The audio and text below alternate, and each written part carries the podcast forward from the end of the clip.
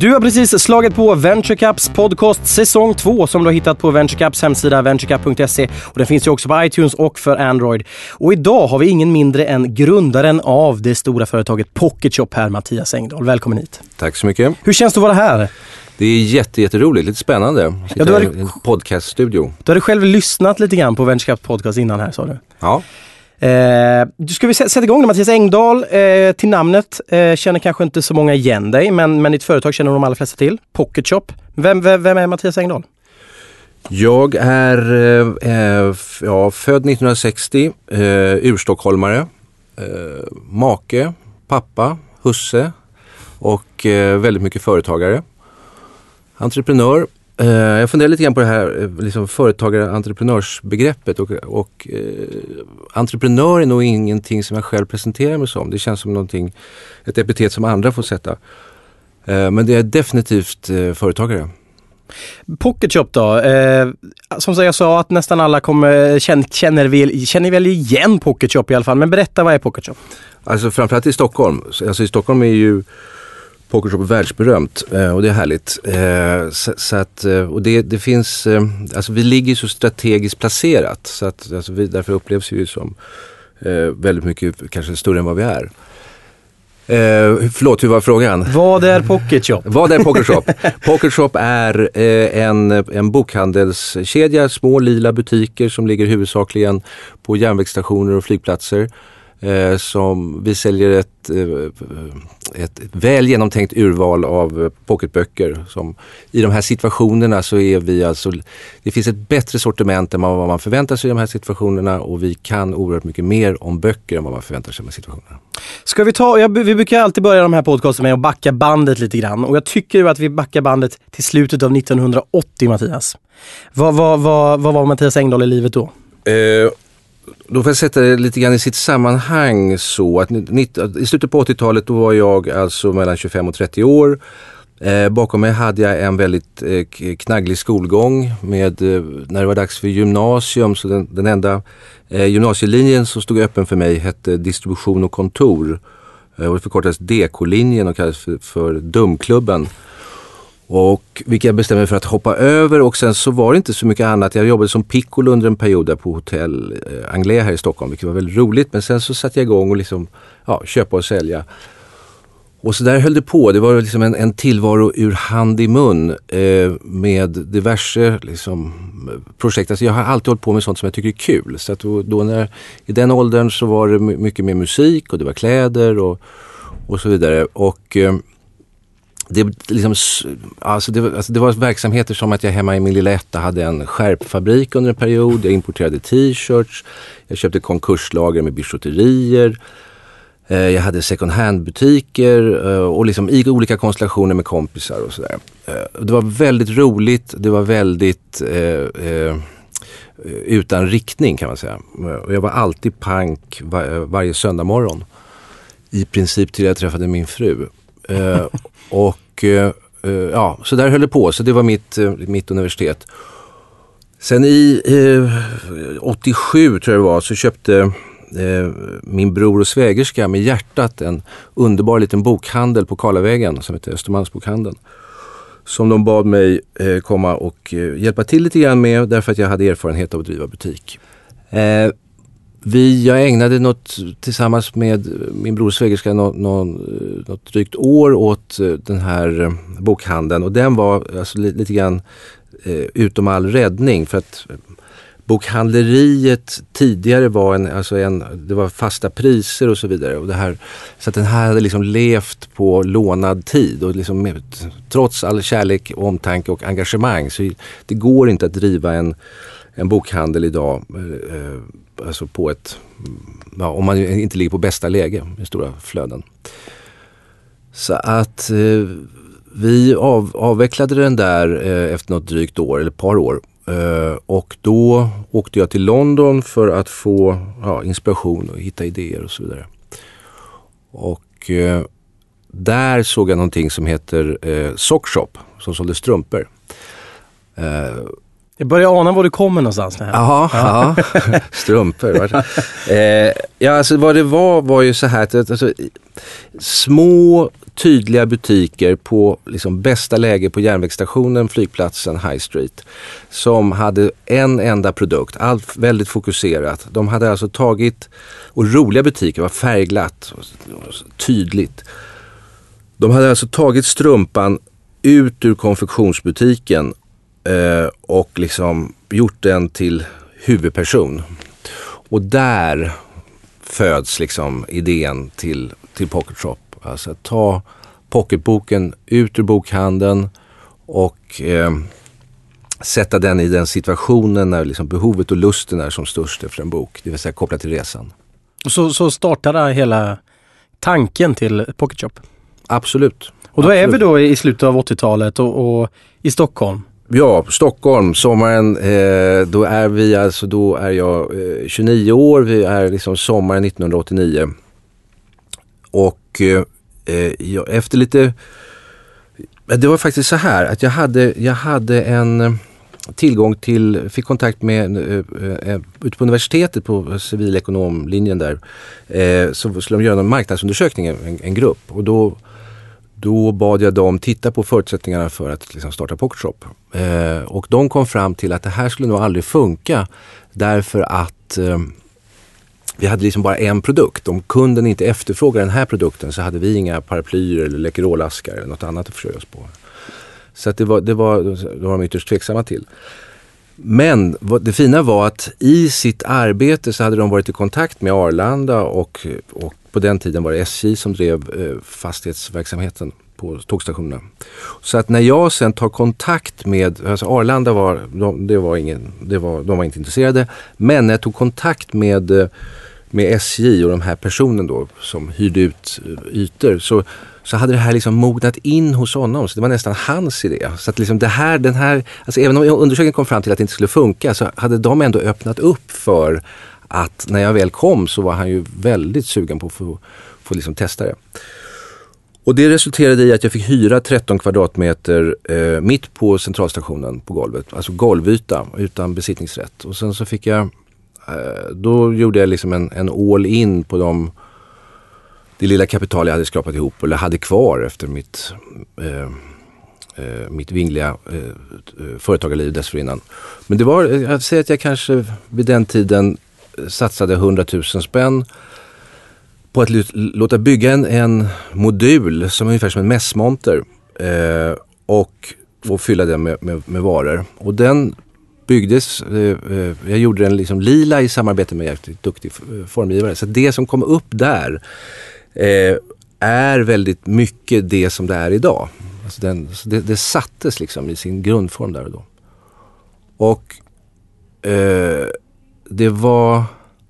Jag kommer ihåg också så här, vi, vi, det var liksom ett jäkla tryck. Man kände liksom kunderna ville in och handla. Så här, så så här, tyvärr vi öppnar imorgon, vi måste få göra klart. Och så här. Men en kille han liksom trängde sig in och liksom bara, jag kunde inte stoppa honom. Så stod han med, kommer ihåg, Douglas Adams, Liftarens guide till galaxen i handen och sa jag skiter i att du inte öppnat. Jag ska ha den här, jag ska på tåget nu och här har du pengarna. Ja okej okay då. Eh, och så, så, så, så, sa han så här, är, är det du som har, vad är din idé? Ja, Eh, du kommer bli miljonär, sa han. Och, sen så, och så fick jag signera boken. Och eh, eh det är, är, roligt för att jag, vi sprang på varandra. Jag har efterlyst honom på lite olika sätt genom åren. Men utav en slump så blev vi presenterade för varandra för ett halvår sedan av en kompis. Så vi har kontakt. Det är härligt. Han har kvar boken också. Kul! Ja. Eh, var var vi någonstans? Vi var sommaren 1989 på Stockholms centralstation. och, och den första kunden. Och den första kunden. Ja. Men det var, alltså, det var en magiskt för att liksom jag kände i hela kroppen att liksom jag knäckt koden, det här funkar. Och det, alltså det var en helt otrolig känsla. Och ska man veta, vid den här tiden så var liksom distributionen och försäljningen av, av pocketböcker var eh, väldigt begränsade. Alltså det fanns en fantastisk utgivning men en värdelös distribution. Och eh, ja, Pressbyrån hade något, på sin höjd ett 20-tal titlar. Eh, så att det var, och det var ett eh, eh, ah, det var helt fantastiskt. Jag undrar alla som håller på med företagande och liksom, liksom startat för att känna det här att man liksom, shit, det funkar, det bär. Men, men om, om, om, man går tillbaka lite grann då till alla de här, den här bråkiga projekten då, du pratade om här med, du hade t-shirtföretag, du mm. hade något, något skärpföretag hemma i ettan och sådär. Hade inte gått att göra samma sak som ett t-shirt shop? Eh, eller var det just pocket som var, som var grejen? Alltså, eh, Eh, det hade säkert, nej det hade inte blivit den sucken. Absolut inte. För så här var det ju att det fanns ju, min timing har varit fantastisk. Men det beror inte på att jag har varit så otroligt begåvad och räknat ut det. Utan det var ju liksom omständigheterna. Och det är också, det här kan man ju Alltså det är den här, de här framgångarna kan man ju i efterhand konstatera att det var en person eller en grupp som, ett fönster som är öppet och jupp så är de där. Av att de råkar befinna sig där och har energin. Och det var jag och liksom t-shirt fanns ju inte ett underliggande liksom sug för att liksom bli det här utan det här var ju en, en ett, alltså en, ett, ett, ett, ett, ett underskott. Det fanns inte en fungerande distribution av en bra produkt. Eh, så det var just att det var pocketböcker och där och då.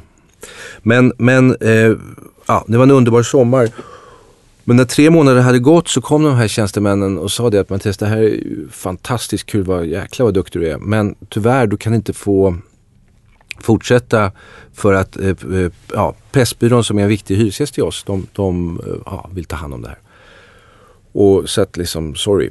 Eh, och det var ju lite snopet. Eh, liksom när, jag hade det ju i handen. Liksom. Och, det, och det, det, är det som är grejen med den här affärsidén. Att vi måste vara på ett väldigt specifikt affärsläge. Vi kan inte öppna på andra sidan gatan, det är helt kört.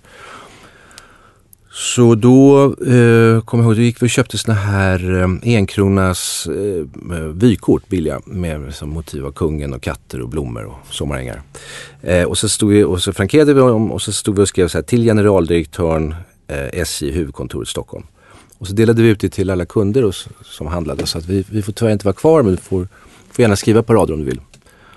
Så det kom in en, en uh, strid ström av kort till generaldirektören som på den tiden hette Stig Larsson. Han var den första generaldirektören som inte var politiskt tillsatt utan kom från näringslivet. Och han undrade vad tusan är det här? Han visade alltså, ett har vi en bokhandel och två ska vi slänga ut den. Eh, och så, han, så insatt var han? Ja, alltså, han hade rätt mycket att tänka på. Mm. Eh, eh, och eh, så han hörde av sig och jag fick komma upp på möte. Eh, det var, jag kan säga jag var rätt nervös ja, av naturliga skäl. Liksom. Mitt liv hängde ju på det här. Eh, men det var klart på 20 minuter så sa så han, det är klart att du ska vara kvar och var vill du öppna mer? Ja, Göteborg. Så här, ja, då får jag göra det. Och eh, så, så att det, det, hela ledde till att vi, ja, ett blev kvar och två kunde öppna i Göteborg eh, något år senare. Så det, det blev bra. Men, men, men vi går tillbaka då. Eh, du fick den här idén, du har varit i London, fått massa inspiration, sett Sockshop då. Mm. Eh, och du bestämde dig för att göra en, en marknadsundersökning. Var liksom, hur utarbetad var egentligen idén när du kontaktade universitetet och hur utarbetad var idén med att du skulle ha det på, på strategiska eh, platser. De här platserna då som, som centralstationer och, och flygplatser. Två frågor igen. Ja, alltså att den här marknadsundersökningen det var mer en slump att jag var liksom, jag hade nog kört det där ändå. Eh, nu var det, det slumpade sig så att jag hade kontakt med den här gruppen, de här två tjejerna. Eh, och, men alltså idén i utformning och läge, alltså att det skulle vara, alltså att läget det var liksom grundidén att det skulle ligga i det här läget. Och att böckerna skulle vara liksom exponerade. Vi exponerar liksom allting med fronten ut och aldrig med ryggar. Så att det alltså var en tydlighet, en öppenhet. Eh, och att det här att liksom böcker är inte, det är inte fint att läsa, det är kul att läsa. Den ena vill ha en sån här 50 shades of Grey härligt. Och den andra vill ha en kinesisk nobelpristagare, toppen. Alltså den här känslan av att, att inte vara eh, liksom, begränsande eller avstängande. Eller så, eh, försöka liksom, böcker är ju omgärdat av någon, någon, någon slags eh, eh, lite ja, det här lite det finkulturella. Och det, och det finns absolut finkulturellt där. Böcker är också finkulturellt. Men det är inte bara det utan det är väldigt viktigt att läsning är tillgängligt för alla. Och det hade jag väldigt klart för mig från början. Alltså att jag ville ungefär så här. Var det svar på frågan? Det, det, kan man, det kan man säga. Men, men egentligen kan man då sammanfatta liksom starten då på Pocket Shop som att flera tillfälligheter. Du hade kontakt med den här mm. gruppen på de här två tjejerna på universitetet som öppnade dörrar till, till eh, centralstationen. Eh, flera tillfälligheter ledde till till slut till att du faktiskt kom på plats då. Mm. Men, men, när du hade idén då, vad var egentligen det nästa steget för dig för att komma igång? Alltså nästa steget var ju att få göra en test. Alltså att få göra de här tre månaderna. Eh, så att alltså från, från en, idé på papper, alltså en teoretisk idé till så var ju oundvikligen nästa steg att liksom få göra de här tre månaderna. Så att det var ju liksom den stora eh, Ja, det var ju verkligen steget. Det fanns liksom inget annat sätt att liksom testa sig, testa sig fram. För, för att eh, alternativet att öppna då på andra sidan gatan, det fanns inte? Nej. Alltså det, det, det Eh, jag har ju ett medfött liksom, ska jag säga, föret, företagande och liksom ett, ett ska jag säga, sunt förnuft. Liksom, grunderna är rätt klara för mig vad som är liksom logiskt eller inte. Och, och det var oerhört logiskt att det inte skulle funka på andra sidan gatan. För då var jag ju som att vara uppe på Karlavägen igen i princip. N när förstod du då att det här skulle bli när jag stod där på centralstationen eh, vid miss, dagarna före midsommar 1989, då fattade jag att jag har knäckt koden. Jag vet, hur, jag vet hur det här funkar. Det var så tidigt alltså? Mm, direkt. Kände hela kroppen. Kan vi tacka Douglas Adams för? Ja, och min svägerska. Men du steget från då en, en butik i Stockholm, sen till en andra i Göteborg några år senare och idag finns ni i tre länder. Mm. Det är en ganska bra resa det. Ja, fast det, vi har hållit på länge. Eh, men, men, vad som hände där var att eh, när eh, jag öppnade i, eller vi öppnade i Göteborg, då förstod jag också att jag inte bodde i Amerika. För att jag hade ju en, en tanke om att bygga sådana här butiker på alla stora järnvägsstationer och flygplatser. För att upptäcka när jag kom till Göteborg att eh, det finns inte så många stora järnvägsstationer och flygplatser i Sverige. Så att, och marknaden vid den här tiden, alltså början 1990, var att i Sverige såldes totalt 2000, nej förlåt, 2 miljoner pocketböcker per år. Och idag säljs det ungefär 12 miljoner. Så marknaden var väldigt omogen. Och Göteborgs eh, centralstation så var Sveriges och är Sveriges näst största eh, station. Men det var ett helt annat tempo och framför, idag, är det, idag är det bra tryck där. Men då var det liksom ganska li, lite blåsigt och kallt där inne. Eh, och eh, så det, det, var rätt trögt. Den var liksom, gick precis nätt och jämnt runt.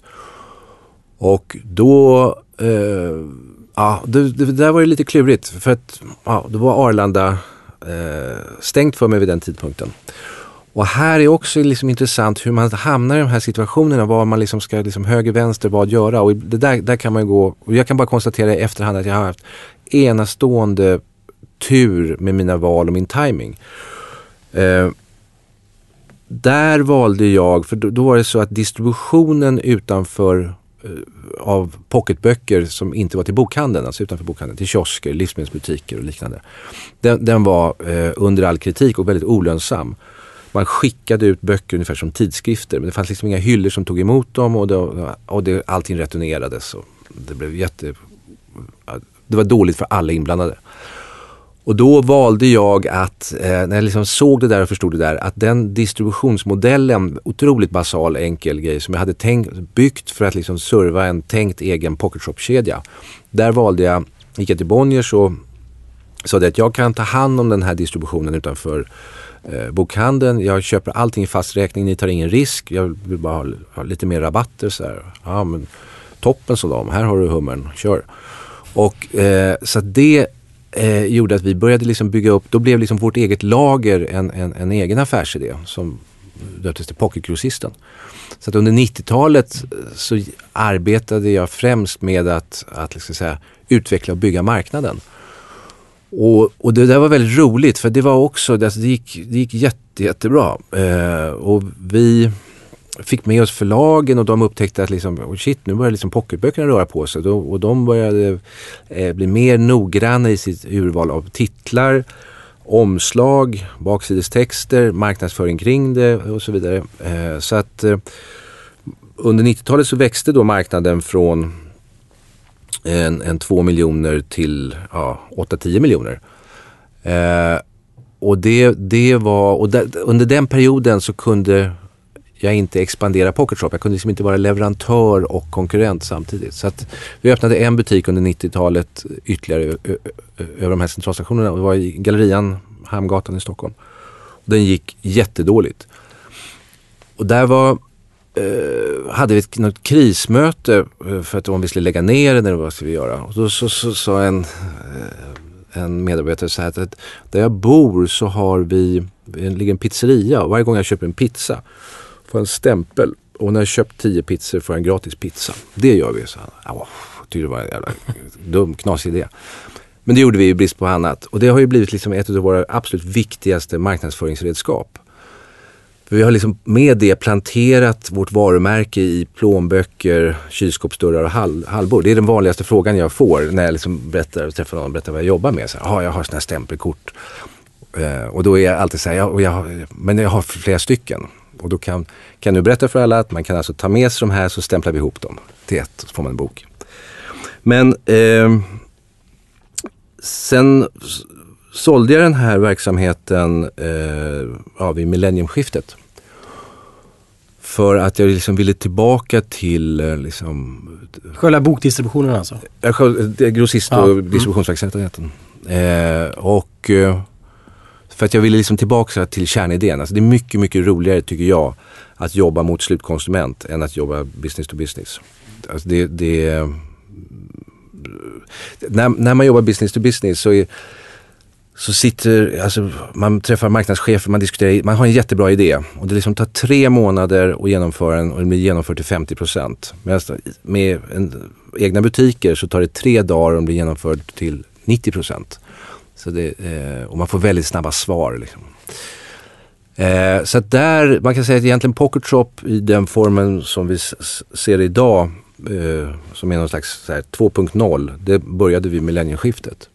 Och då bestämde vi oss för att alltså, ja, göra Pocketshop till ett riktigt, riktigt, riktigt bra detaljhandelsföretag. En bokhandelskedja. Och eh, öppnade i, så att idag har vi i Sverige 16 butiker. Eh, jag ska också säga så här, vi var, alltså, Pocketshop var lönsamt efter fyra timmar där 1989 och har så varit sedan dess. Eh, men sen är det ju när, när, man bor i Sverige så slår man rätt snabbt i taket, eh, för det är en liten marknad. Och då tvingas vi ut på export och det är bra. Eh, och med Pocket Shop så är det lite speciellt, för vi har ju ingen vi har ingen produkt, vi har liksom ingenting att sälja. Vi har liksom lila hyllor och en idé om hur man säljer böcker i de här miljöerna. Eh, men det ledde i alla fall fram till, efter ja, olika turer hit och dit att eh, vi 1 oktober eh, 2008 öppnade på flygplatsen Tegel i Berlin. Eh, och eh, nu har vi en, en, vi öppnade vi faktiskt förra veckan två butiker på Frankfurts flygplats, eh, en av världens fem största flygplatser. Så att, eh, och vi har, där har vi nu ett joint venture med ett noterat gigantstort tyskt detaljhandelsföretag så att vi tillsammans har en väldigt, eh, för man behöver ha den kraften på en sån marknad eh, för att komma över lägen. Uh, ja. men, men då sommaren 1989, ha, hur, hur mycket hade du planerat för att det skulle växa så här? Hur mycket hade du, hur, hur stor var visionen 1989? Alltså min vision och min, min alltså den var nog i princip världsherravälde vid den tiden. Sen så att eh, under resans gång eh, så har det blivit mindre viktigt. Eh, dels för att livet innehåller väldigt mycket andra saker. Och, eh, men att det skulle bli eh, stort och bli på riktigt, det var jag helt på det klara med. Absolut. Hur planerat var det? För man pratar ju väldigt mycket om att man ska planera för att, för att bolaget ska kunna vara skalbart, att det ska vara tillväxt och, och hela, hur, hur mycket hade du tänkt i de här, hur, hur liksom faktiskt konkret mer än att du faktiskt gick och drömde? eftersom jag, alltså jag kommer ju inte från en, en, en, ska säga, en skolad miljö i företagande utan det är liksom, jag har gjort det här på, på rå vilja och armbågarna. Liksom. Så att det, det har inte haft den, eh, alltså det, det, är en, det funkar och sen så ett steg i taget. Och jag vet att jag vill att det ska bli växa, bli ett härligt, stort, bra, fungerande företag. Så att det, jag har liksom inte haft någon, alltså den första affärsplanen ja, gjorde vi för en fem, sju år sedan faktiskt. Och då hade bolaget funnits... Och då höll det på att gå riktigt åt helskotta kan jag säga, faktiskt. ja. För då, eh, ja, men det var, då började vi sätta upp sådana här mål att vi ska omsätta en miljard och så började man liksom agera på det. Så här. Det började på att gå riktigt tokigt. Så man ska, man ska inte tänka för mycket. men vad har varit svårast då under resan med Pocket Shop? Eh, det svåraste just med Pocket Shop är att eh, Eh, det, det, alltså det har varit och är just för själva den affärsidén, det är att komma över rätt lokaler. Det är, liksom, det är helt, allting annat liksom behärskar vi. Alla andra liksom, i våran liksom kod, vi kan, allt annat kan vi påverka. Men kommer vi inte över de här lägena så, så spelar det liksom ingen roll. Och eh, här konkurrerar vi i väldigt liksom stängda miljöer med, med eh, där fastighetsägaren har att välja mellan att sätta in en eh, biluthyrare eller något annat. Eh, och, och, och, böcker är en ganska underordnad produkt eh, som kan säljas tillsammans med, man behöver, fastighetsägaren behöver lösa ett antal alltså tidningar, snus om det är Sverige och, och, så vidare. Och då kan man liksom klämma in det där. Och finns det någon som, som redan handskas med böcker och det skapas en ledig ny yta då är det kanske inte första prioritet liksom, att sätta in en bokhandel. Så det är, vår, det är den absolut, har varit och kommer alltid vara den största utmaningen. Ni har ändå lyckats kan man säga med att få komma ut och komma till de här platserna. Absolut. Vad har varit hemligheten? Fokusering, hårt, envishet, hårt arbete och att vi liksom i, i botten har en, en, en alltså vi har ju bevisligen eh, gjort det och kan det och det här är bra. Det skapar också en, en alltså när vi får ner, alltså kommer i diskussionen eh, med fastighetsägaren att de verkligen ser, liksom, kolla det här funkar. Och det skapar ju också en miljö som är, alltså boken är ju en, en um, cornerstone så att säga i, i liksom den här resemiljön. När man tittar på de produkter som resenärerna mest efterfrågar så är det liksom, det ska vara taxfree, det ska vara ett apotek och sen kommer böcker och tidningar. Eh, och, och då med den, att, att, att, vi har gjort och att det är liksom, det är ju väldigt lätt, alltså, se på ett köpcentrum idag, allting ser likadant ut. Man gäller ju liksom att krydda till det här så att det, det händer något härligt. Du, eh, man får väl ändå kalla Pocket Shop för Mattias Engdahls lilla livsverk. Mm. Som du 2012 också sålde av. Mm. Berätta. Sålde av? Sålde, ditt bolag. Sålde av bolaget. Ja. Sålde bolaget. Eh, ja, eh, och det var inte ett helt enkelt beslut.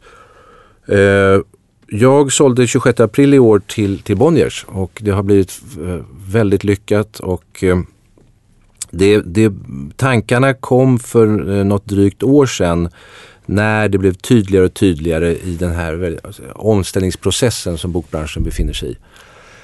Att jag som privatperson eh, har svårt eller nästan eh, omöjligt att liksom parera den här omställningen. Alltså hur ska vi eh, möta e-böcker? Alltså att Pocket Shop alltså, Grejen med Pocket Shop är att vi är, eh, alltså, eh, vi har inte alla pocketböcker, vi har ett, ett urval av pocketböcker. Vi är otroligt duktiga på att ha ett relevant urval. Och det här kan man liksom översätta in i e-böcker. Jag behöver inte en miljon e-böcker på min, jag behöver en bok och det är den jag vill läsa. Och här kan Pocket Shop fylla en plats och funktion. Eh, men hur det här ska gå till och när och de olika allianser eller vad man nu ska göra det där. Så, så var det liksom uppenbart för mig att det här är liksom för svårt, det är för, det är för hög risk. Eh, och i de olika, eh, ja, plus annan liksom strukturomvandling i, i, i, i bokhandeln, bokbranschen. Så jag vi behöver en ägare långsiktigt som förstår ja, som verkligen har ett långsiktigt perspektiv, eh, förstår och gillar eh, böcker och som är duktig på att driva, liksom, låta pocketshop vara pocketshop och liksom inte bara slurpa in det i någon, försöka trycka in det i någonting annat. Och det blev eh, eh, lyckligtvis så att, liksom, att det har blivit Bonniers. Så att det, det eh, jag, jag, är vansinnigt eh, att säga, lättad och glad och stolt över att vi är här nu. Och nu har jag ju återgått, jag var, var, återkommit som, som VD i samband med det här. Eh, och, och det, jag tror nästan att jag har faktiskt min, min lyckligaste tid med Pocket Shop just nu. Och det är härligt.